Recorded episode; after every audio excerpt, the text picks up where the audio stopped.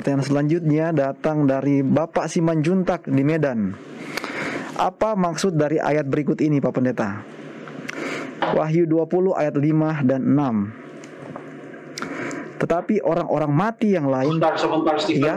Sebentar saya buka juga supaya saya ikut baca. Oke Pak Pendeta. Atau 20 mungkin ayat 5 dan 6. Oke, silakan. Oke Pak Pendeta. Ayat 5 dan 6. Tetapi orang-orang mati yang lain tidak bangkit sebelum berakhir masa yang seribu tahun itu.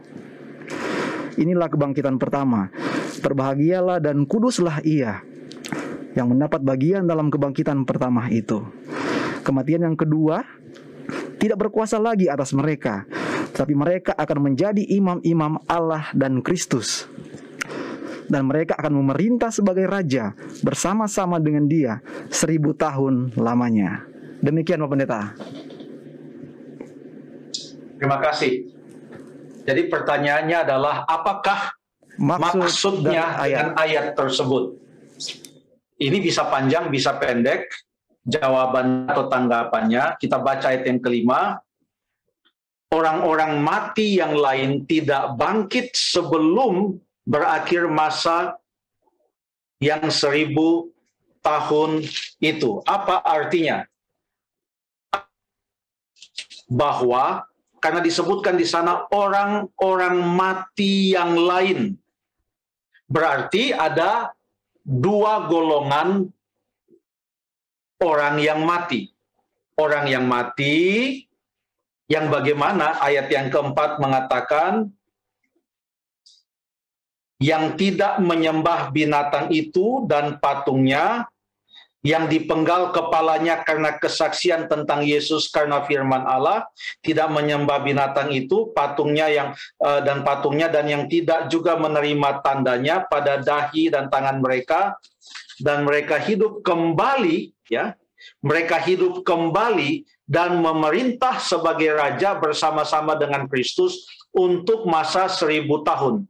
Mereka hidup kembali. Jadi ada orang mati, yaitu orang-orang yang mati dalam Tuhan, mati karena kebenaran, mati di dalam iman, mempertahankan kebenaran, yang dalam hidupnya setia, tidak mau menyembah yang lain selain menyembah Allah, tidak mau meng yang lain selain hukum Allah, lalu mereka meninggal dunia. Pada waktu kedatangan Tuhan Yesus yang kedua kali dikatakan mereka akan hidup kembali, mereka akan bangkit. Inilah kelompok pertama atau kelompok orang-orang mati, kelompok yang pertama yaitu yang mati di dalam Tuhan. Lalu baru kita masuk di ayat yang kelima yang ditanyakan tadi yang mengatakan tetapi orang-orang mati yang lain artinya kelompok yang kedua orang-orang mati kelompok yang kedua, orang-orang mati yang lain tidak bangkit sebelum berakhir masa yang seribu tahun itu.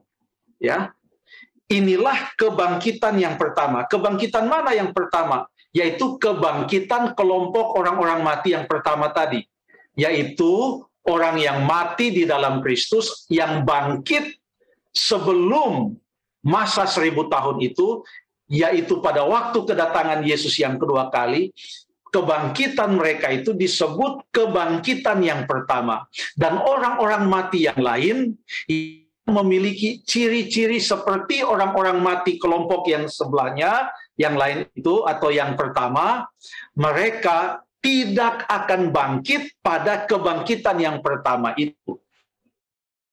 Ayat yang keenam dikatakan berbahagia dan kuduslah ia yang mendapat bagian dalam kebangkitan kebangkitan pertama itu kematian yang kedua atau kematian yang kekal itu tidak berkuasa lagi atas mereka.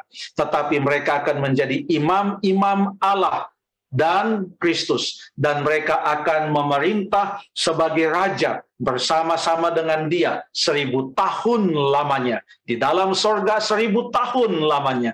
Kalau mau diteruskan cerita ini tapi saya mau anjurkan supaya kita mengikuti uh, KKR Net yang sedang berlangsung pasti akan ada pelajaran nanti tentang kedatangan Yesus dan tentang masa seribu tahun di sorga, langit yang baru dan bumi yang baru. Pasti itu akan diterangkan dengan lebih uh, jelas lagi. Tetapi makna dari Wahyu 20 ayat yang kelima dan ayat yang keenam adalah pada waktu kedatangan Tuhan Yesus yang kedua kali.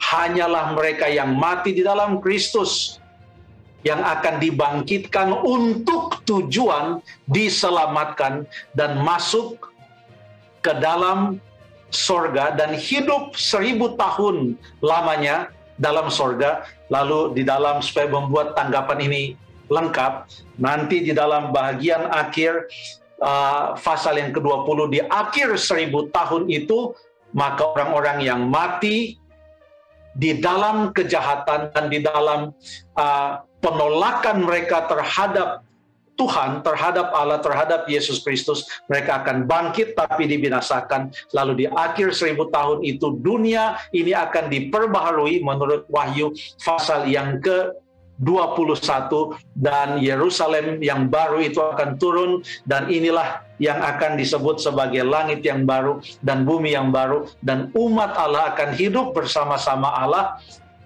selama lamanya tidak ada lagi sakit, penyakit, maut, air mata, duka cita, semua yang lalu atau semua yang lama itu telah berlalu karena yang datang. Terima kasih.